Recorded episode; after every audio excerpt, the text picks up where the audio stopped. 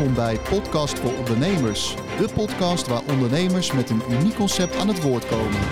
Vanuit de villa naast Hilversum Mediapark spreken we vandaag met Tina Evans van BlueLinks.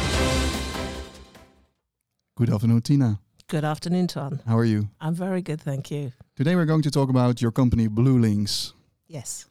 Well, when was Blue Lynx founded and what uh, what does Blue Lynx do? I started the company in April 1988, so that's almost 33 years ago. And Blue Lynx is primarily a talent acquisition company and HR consultancy. Well, back in the 80s, you started Blue Lynx in the Netherlands. Was there a big request for your kind of services of Blue Lynx? Um, funnily enough, when I started the company, I was one of only four companies in the Netherlands that offered services in the English language. And we primarily worked for international organizations that were looking for staff that spoke fluent English. And the people you recruit, they only speak English or do you also do other languages? No, no. Now it's uh, a fully um, multilingual uh, consultancy. So our staff speak every language from English, Dutch, German to Swahili. Swahili even? Swahili, yes, yes. We once had a. Is there a a- big request for people from Swahili? Uh, Not so often, but we have had one or two in the last 33 years where Swahili was a requirement. And this is the most uh, outlandish language uh, you performed your service for? or I think it probably is, yes, yes. And what kind of clients does Blue Lynx have currently? Blue Lynx has primarily um, international organizations, non-profit organizations, and uh, mid-size uh, companies. And you do recruitment for every branch or? We do recruitment for every branch because we specialize in disciplines rather than industry. What kind of disciplines are those? Or Those range from IT, sales, marketing, logistics, back office, administrative functions as well. all kinds of functions within? All kinds of functions, yes. And can you do some name drops of big companies you work for? Unfortunately, no, I can't because that is that is that is uh, in our contracts that we cannot um, mention names of clients, but primarily um, Fortune 500 organizations. Yes, And how did you start the company? Also with these big names?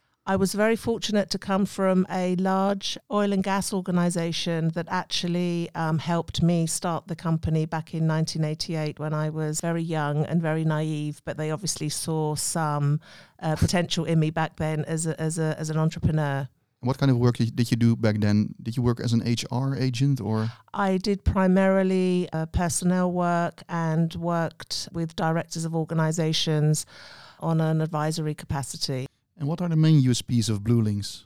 Because you have some uh, competitors in this market too in the Netherlands. Yes, we have competitors. I think our USPs are the fact that we're extremely knowledgeable, we're very professional, always working in partnership with our clients and we take the time to learn the requirements of our partners and also really understand the job vacancies that we service.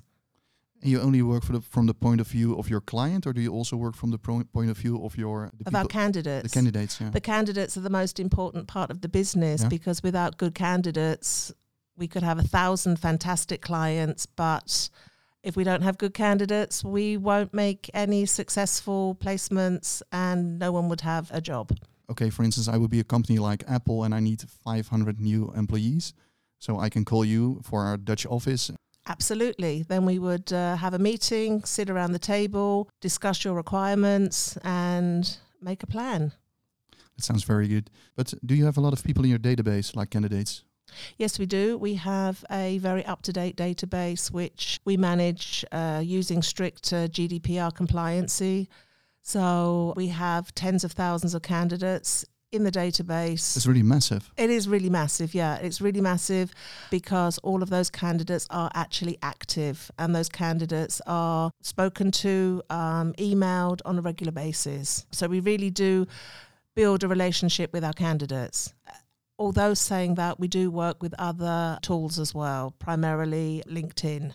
And how do you recruit besides LinkedIn? Is Facebook also very important, or? Yes, we run some campaigns on Facebook and Instagram, but primarily LinkedIn and good old fashioned networking.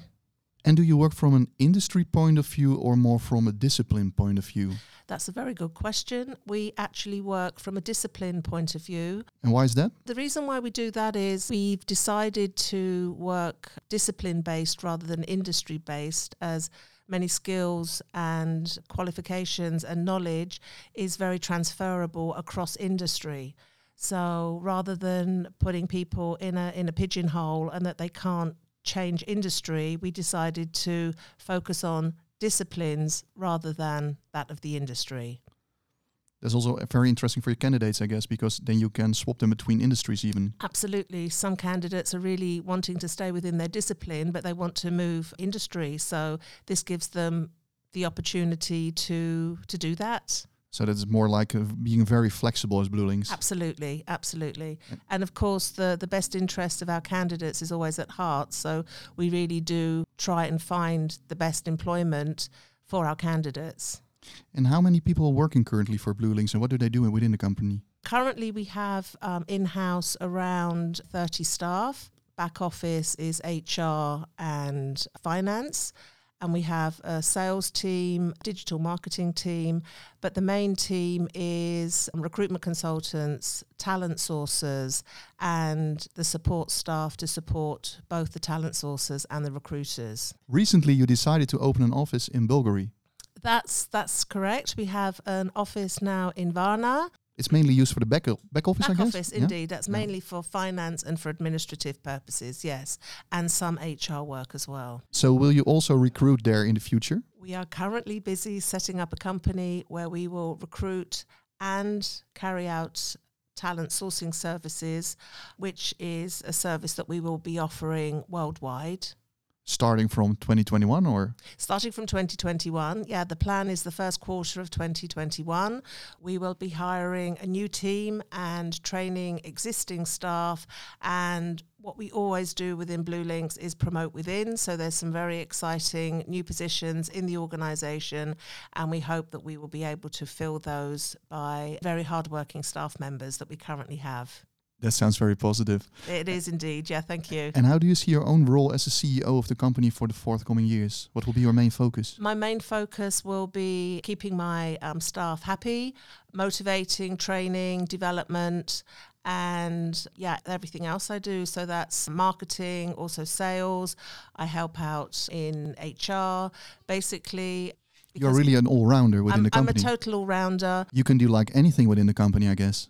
Indeed. I um, started off from scratch with absolutely nothing and worked my way up, basically opening departments as and when I needed them. And indeed, the best way to build a business is to know your business. So, indeed, I can work in all departments. Maybe they don't want to see me in those departments, but I can work in all of them. But I'm I'm absolutely blessed with having a great team. Blue Lynx is is is very professional, but um, not to be cliche, we really are a family. And I know that each department is working seamlessly with other departments and managed extremely well. So sometimes I do think, what am I doing here? Because every, everybody is doing such a good job. But I think in the industry and the knowledge that I have does help the, the, the team. And I would primarily say not that there's a lot of problems within the organization or at clients or with it gave you a solid it gave you a very solid base absolutely. to grow to other countries Abs- even absolutely yeah yeah but i would say i was more a troubleshooter than, than anything and a planner and a, a visionary trying to have a vision for not only 2021 but for many many years to come and 2021 will be the year of Bulgaria to open. Yes, yes. And 2022. Any wishes for new countries yes, to open? Uh, we have plans to be opening an office in Chicago because a lot of our international clients in the Netherlands are American. So will you you will be using this this office as a hub or Yes, we will be using it as a hub. With that hub and with having an established organization in America, we can service our American clients in America as well. It opens a lot of doors, I guess. Absolutely, yeah, yeah. And having having some American colleagues who one is already back in Chicago and another to follow, we have people that will be representing and working in Blue Lynx that already, as we say, wear the Blue Lynx jackets. So Ah, uh, The DNA is already the there. The DNA is already there, yeah. Yeah, so that's very, very exciting, but not to take the excitement away from our office in Varna because we have a great team there already. 15 people are now working with us very, very well. And we are looking to grow that office quite considerably in 2021. Sounds very exciting. Yeah, I'm very excited about it. so the forthcoming years sound very exciting for uh, for the company as well as for you personally. Uh, what are you looking forward to for 2021? I think one of the most exciting things is watching the company grow, expand quite rapidly in the Dutch market. But we're also looking to have that success in Bulgaria and America. But I think primarily the most important thing is I think like everybody, the world is is looking forward to the vaccination and that being rolled out globally so that everybody can get back to get back to normal or as normal as possible. I wish the same thing uh, for these Yeah, people. yeah. Thank you so much for this interview, Tina. And Thank you uh, very much. we wish you all the best for 2021. Thank you. And you too, yeah. All the best. Thank you for being here. Thank you.